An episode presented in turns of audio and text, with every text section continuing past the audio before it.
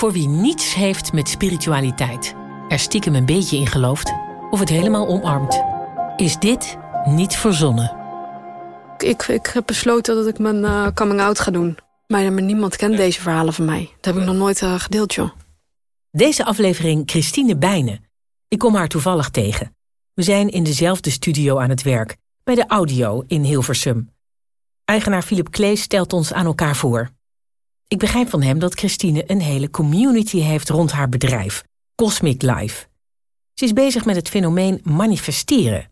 Je dromen en wensen realiseren door gedachtes, meditaties en visualisaties. Hoe het gekomen is dat ze zich hiermee bezig is gaan houden, dat weten haar volgers niet. Christine maakte als kind meerdere keren iets mee dat uitzonderlijk is. Ze dacht dat het beter was dat niemand dat zou weten. Ze doorbreekt nu haar jarenlange stilzwijgen. Ik word er weer emotioneel van, omdat ik dit dus nog nooit eerder echt eigenlijk heb verteld, dit verhaal. Um, ik was namelijk acht en uh, het was op mijn slaapkamer. En uh, mijn broertje was erbij en mijn oudere neefje en nichtje. En ik weet nog heel goed, ik zal het nooit meer vergeten... dat ik tegen hun zei van... wow, ik zie iets bij het raam. En um, we liepen allemaal naar het raam. En um, we deden de, de, de jaloezieën aan de kant. En wat we zagen was eigenlijk een... Um, ja, zoals ik het had gezien in tekenfilms... een ufo. En een, ja, een super grote ronde schotel met allemaal hele mooie kleuren. Van rood en, en geel en blauwe, groene lampen. En, en dat vloog soort van heel langzaam. Het leek wel minuten te duren, dat moment. Maar dat duurde het waarschijnlijk niet. Uh, ja, heel langzaam eigenlijk over de schutting bij onze buren. Zo weer weg. Ja, dus wij, uh, ja, wij dachten allemaal van, ja, wat, wat is dit? We zijn uh, ja, allemaal naar beneden gegaan, want onze ouders zaten allemaal beneden. En we hebben uitgelegd wat we hebben gezien. Dus uh, ja, onze ouders die dachten natuurlijk dat we gek waren. Maar ze hebben wel uh, de politie gebeld. Dus ze dachten niet dat jullie gek waren? Nou, ze hebben het wel heel serieus genomen, inderdaad. Maar ja, zij hadden het niet gezien. dus uh, naar de politie gebeld. En de volgende dag is het inderdaad in de, in de, in de krant gekomen. En waar was dit? Uh, wij woonden in Oudijk. Dat is een plaatsje vlakbij Utrecht. Het aparte was eigenlijk dat niemand anders het had gezien. Alleen jullie drieën? Ja, vieren. Ja, we waren met z'n vieren, ja. Zag je wezens? Nee. Nee. Maar ik wist, ik, ik bedoel, ik was acht. En we hebben allemaal hetzelfde gezien. En ik keek ja, naar tekenfilms. En naar ja, wat een klein kind kijkt. En daarvan had ik uh, afgeleid, hadden we allemaal afgeleid... dat het een ufo moest zijn. Nu zijn er onlangs wel verhalen naar buiten gekomen... dat zelfs de NASA rekening houdt met ufo's. Daar was ik zelf stom verbaasd over, eerlijk gezegd. Ja. Ja, ik inmiddels gelukkig niet meer. Maar ik heb wel mijn hele leven lang afgevraagd. Ermee rondgelopen. Van waarom hebben we dit gezien en waarom heb ik dit gezien? En heb ik het verzonnen? Ja. Denk je dat je het verzonnen zou kunnen hebben? Nee, want we hebben het allemaal gezien. Hebben jullie het er nog wel eens over? Heel af en toe. Maar bijna niemand wil er meer echt over praten. En waarom niet? Omdat het niet geaccepteerd is. Want wat denk je dat er gebeurt als je het erover hebt? Dat je voor gek wordt verklaard. Dat niemand je toch gelooft. het was niet het enige. Ja. Um, om precies te zijn acht jaar later. Dus ik was 16. Uh, mijn ouders waren op dat moment net gescheiden. En dat betekent dus ook dat ons huishouden... Er, er, was heel vaak was er niemand thuis. Dus mijn vader was er dan niet en mijn moeder was er ook niet. En dan waren mijn broertje en ik alleen thuis. En dit was op een, uh, op een zaterdagavond. En ik was thuis en mijn broertje kwam thuis. En die zei, oh Christine, je moet uh, nu mee naar buiten komen. Want uh, ja, boven het huis tegenover ons uh, vliegt iets rond. En ik dacht, nou ja, het zal allemaal wel. Ik ga, dus ik ga mee naar buiten. En um, er is, was in onze straat een huis tegenover ons. En dat huis heet, dat had een naam, dat stond erop, Planken Wambuis. En, um, Merkwaardige naam. Ja, heb ik dus ook altijd gevonden. Van, wat een weirde naam. En boven dat huis waren eigenlijk wolkjes, ik denk een stuk of negen, in een cirkel die rondcirkelde boven dat huis. Dus ja, ik was 16 en ik had echt wel vaak wel eens discolampen of zo gezien. Weet je wel, in de verte zo'n zo'n zo'n lichtstraal, weet je wel. Dus ja, we dachten... Een lasershow. Ja, lasershow of zo, weet, weet ik veel. En uh, nou, maar ik, we werden er niet bang van. Dus het deed niks en het, het, straalde helemaal geen... Het was er gewoon. En het, deed niks. Dus we werden er niet... Ja, we waren niet angstig of zo. Dus ja, we bleven er maar verbaasd eh, naar kijken. En op een gegeven moment had ik bedacht van... ja, wat zou er gebeuren als we uh, ons verplaatsen? En het gekke is dus ook, er was helemaal niemand anders op straat. En, en dat, dat blijf ik tot de dag van vandaag gewoon vaag vinden. Weet je, van hoezo loopt er niemand? Weet je, natuurlijk, oké, okay, we wonen in een klein dorpje, maar dan nog. Dus ik zei van oké, laten, we, uh, laten we onszelf verplaatsen. Dus we hadden een fiets en ik zat achter op de fiets. We fietsten de straat uit en de bocht om. En die ronddraaiende wolkjes, die kwamen uit de lucht naar beneden op de grond. En die draaiden als een cirkel eigenlijk naast mij op de fiets. En het ging gewoon met ons mee. Waar we ook heen gingen. gewoon witte wolkjes? Ja. Ja, ik kan niet anders omschrijven. Witte wolkjes. En, um, maar het deed niks. Dus ja, wij zijn op een gegeven moment... Uh, ja, dit heeft uh, enkele... Ja, het heeft een tijdje geduurd. Ik kan niet, ik denk een kwartier of zo, twintig minuten.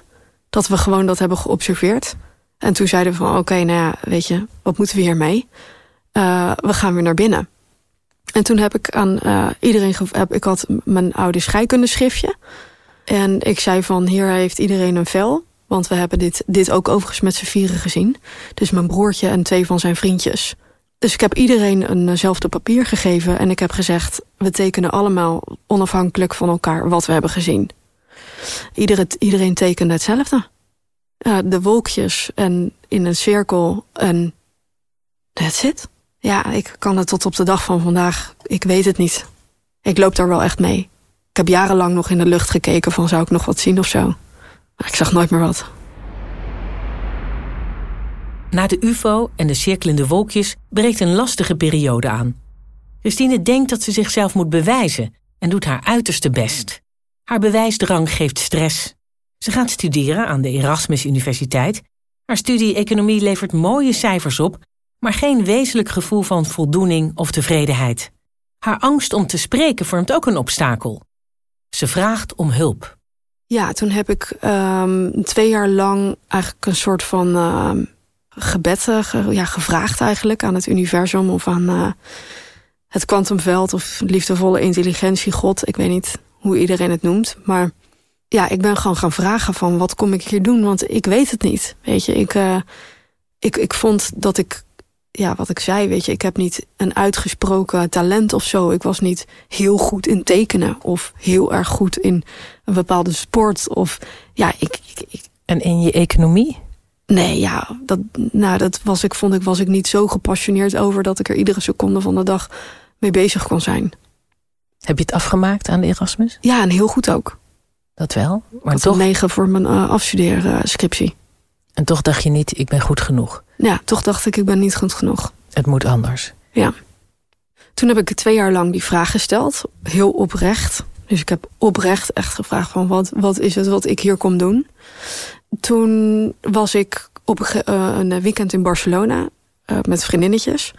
En ik merkte al dat ik me, heel, dat ik me anders voelde. En dat ik niet echt erbij kon zijn. En het voelde alsof ik soort van...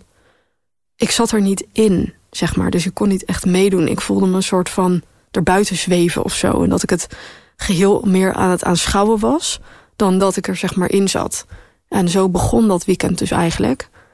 Maar daar was ik me dus bewust van. Ik was me er bewust van dat ik er niet bij was. En toen, we waren aan het lunchen en ik merkte inderdaad daadwerkelijk van... hé, hey, ik, ik, ik ben er niet bij. Weet je wel, ik, ik zit hier en ik praat, maar ah, ik ben er niet, ik zit er niet in, zeg maar. En uiteindelijk zijn we s'avonds naar een uh, club gegaan.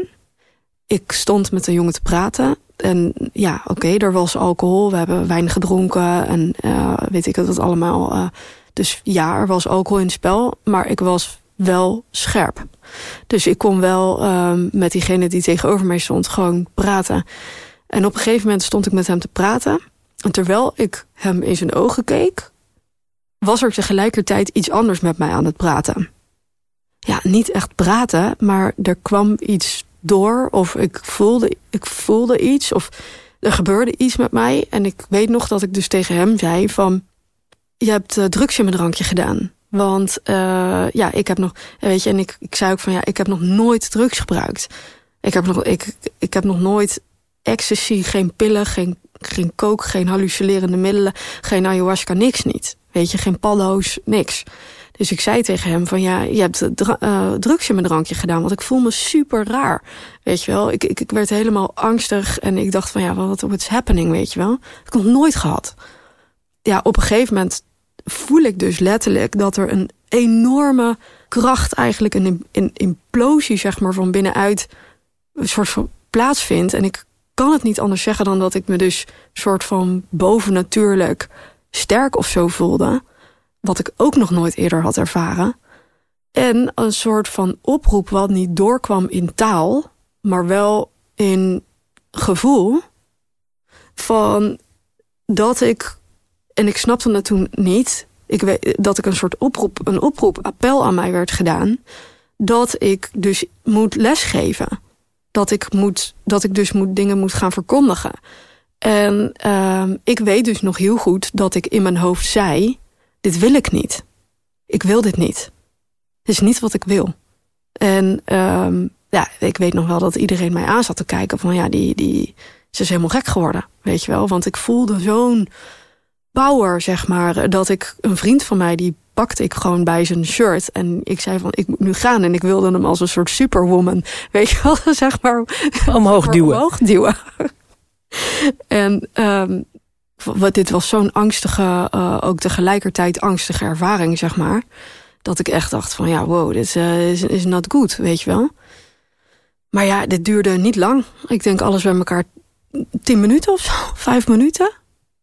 En ik ben in de taxi gegaan en naar huis en slapen. En de volgende dag was het weg.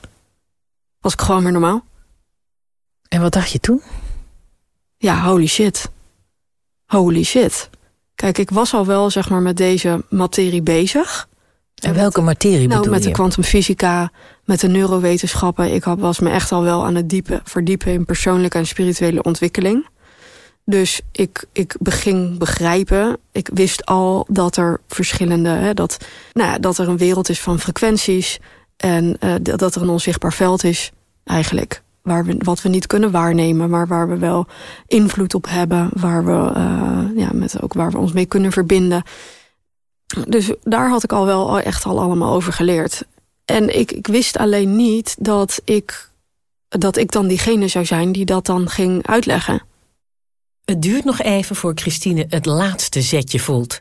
Om inderdaad iets te gaan doen met de kennis die ze als autodidact verzamelt over onder andere kwantumfysica, kwantumvelden en spirituele ontwikkeling. Ze kijkt filmpjes van inspirerende sprekers. En als een van hen, Gabrielle Bernstein, oproept om in actie te komen als miracle worker, voelt ze zich aangesproken. Toen voelde ik het, toen voelde ik het in mijn hart. Dit is wat ik, kom, dit is wat ik wil doen. Dit is het. Ja, weer een aantal weken later of zo kreeg ik een soort van download. Dat ik een structuur van alles wat ik tot nu toe had geleerd in soort van hoofdstukken in hoe ik alles wat ik had geleerd op een behapbare manier kon uitleggen. En ik ben het gaan doen. Ik heb mijn baan opgezegd. En ik ben, uh, Want wat deed je? Uh, ik werkte bij een grote Nederlandse corporate. Bij een uh, energiebedrijf. Je werkte bij een energiebedrijf. Je hebt het opgezegd. ja, ik werkte bij een energiebedrijf. Ja, ja, dat is wel bijzonder, ja. ja. Wat ik nu doe is lesgeven over, uh, ja, dus over de wetenschap achter hoe je met je eigen energie, dat gedachten en emoties, dat het allemaal energie is wat je uitzendt. En dat mensen pikken dat op, maar je trekt ook op basis van wat je denkt en voelt situaties en mensen aan. En, en je kunt dus eigenlijk heel bewust je toekomst creëren. Je kan bewust een intentie zetten.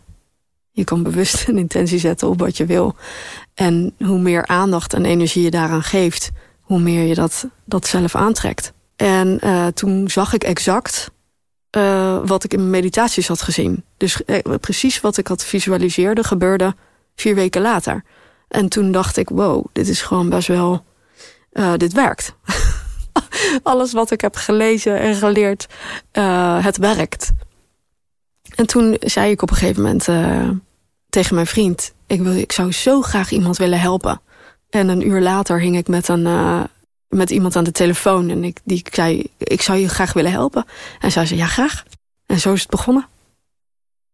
Psychiater Annemiek Dols hoopt dat patiënten baat hebben bij verhalen in niet verzonnen. Een ervaring waarbij de weg kwijtraakt, er verwarring ontstaat, ook bij de omgeving, kan natuurlijk schadelijk zijn. Maar Christines verhaal bewijst dat het ook een positieve uitkomst kan hebben. Heel veel mensen zien, horen, voelen of bemerken iets. Terwijl een buitenstaander dan denkt, waar heb je het over? Annemiek Dols over Christine. Ja, wat ik heel opvallend vond, was dat ze zelf ook zegt... ja, de volgende dag was ik weer normaal. Dus mensen die dit meemaken delen het zelf blijkbaar ook in, in normaal en niet normaal. En dan die ervaring die ze had, die, ik denk dat we allemaal dat labelen als niet normaal. Terwijl ja, de vraag is of het zo abnormaal is. Dat is wel een interessante. Zou het niet abnormaal kunnen zijn? Uh, nou ja, vanuit de psychiatrie is er ook onderzoek gedaan naar ja, hoe vaak maken mensen een psychotische ervaring mee. En dan schijnt dat toch wel één op de tien mensen te zijn die, die dingen horen of zien, ja, die anderen op dat moment niet, niet zien. Dus dat is eigenlijk best veel.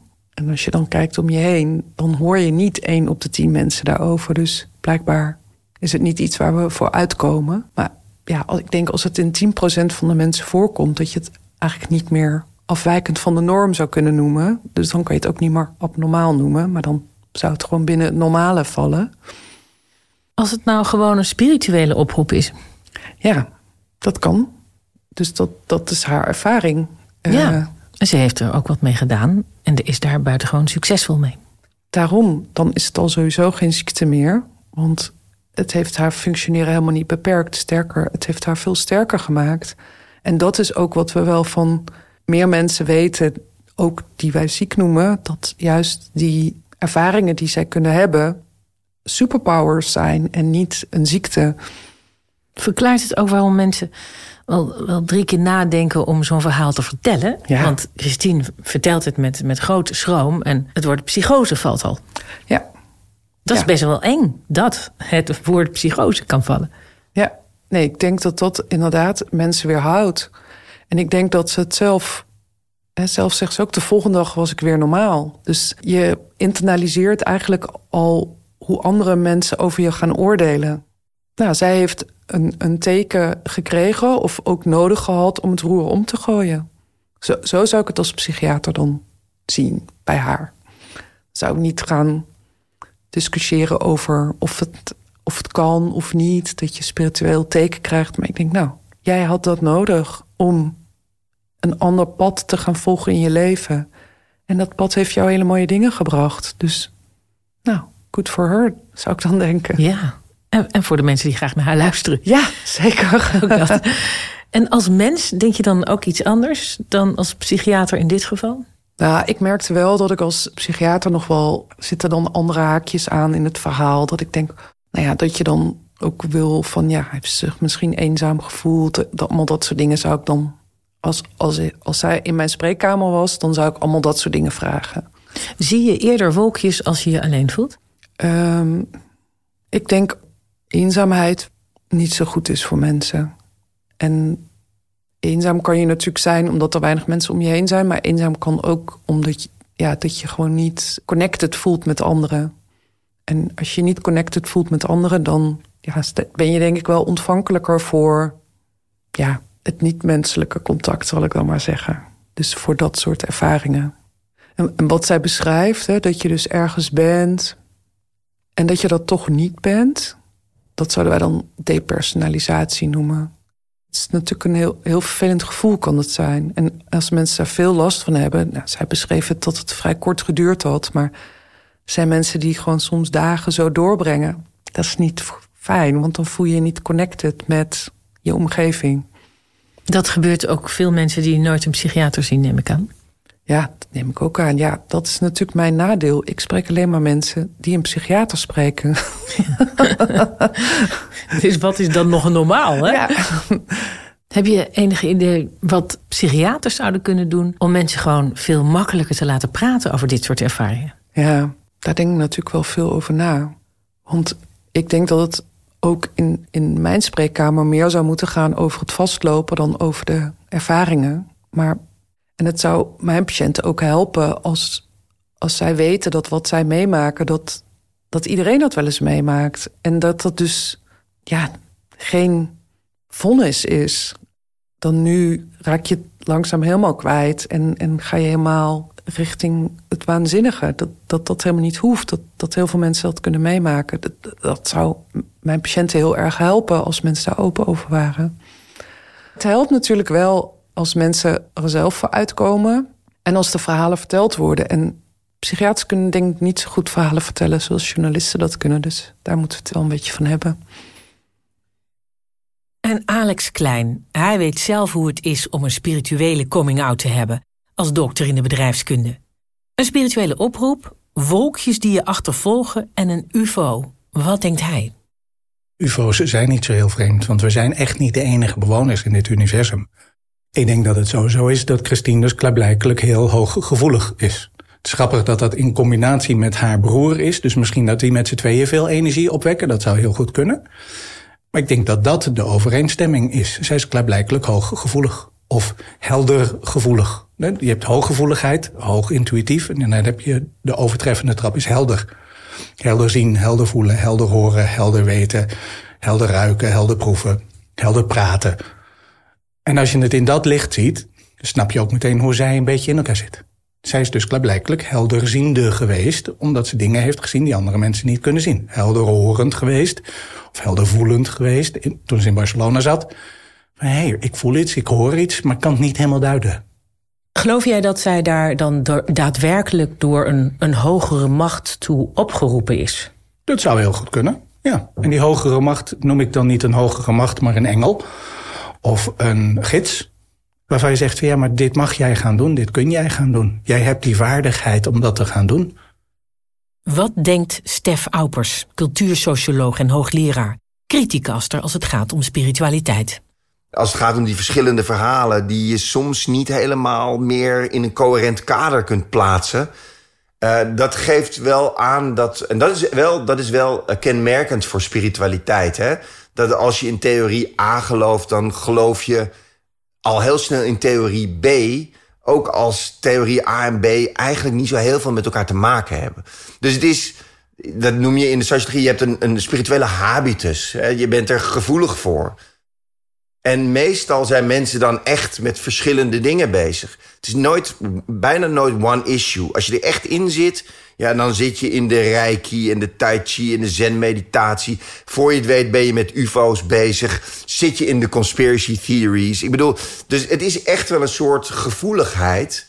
Uh, die je hebt voor dat soort betekenisvolle verhalen... of hè, noem het maar eh, verhalen die ultieme betekenis geven...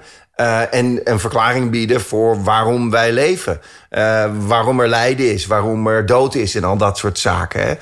Uh, dus, dus ja, zo klinkt dit wel een beetje. In de natuurkunde, je zou denken, nou, een natuurkundige is een echte hard scientist. Dus die gelooft niet in God of in spiritualiteit. Maar je vindt in de natuurkunde meer spirituelen dan bijvoorbeeld in de sociale wetenschappen. Dat zegt iets, want het sluit niet als je alles weet over relativiteitstheorie, kwantummechanica en noem het allemaal maar op. Ja, dan sluit het niet uit dat daar krachten aan het werk zijn die je niet kent. Sterker nog, ja, kwantummechanica laat juist zien hoe bizar het universum in elkaar zit. We weten nog veel niet. Daar is iedereen het in ieder geval over eens die meedoet aan Niet Verzonnen. Volgende keer. Annelien van der Leij. Ze heeft net haar studie afgerond, maar ze vertelt over haar peutertijd. Ze deed toen verbijsterende uitspraken. Toen ik klein was, geloofde ik dat ik een zusje had en een andere moeder. En een voorspelde reïncarnatie. Hij zegt, kijk, jouw broer wordt geboren ochtends om 9 uur 58. Dit is niet verzonnen.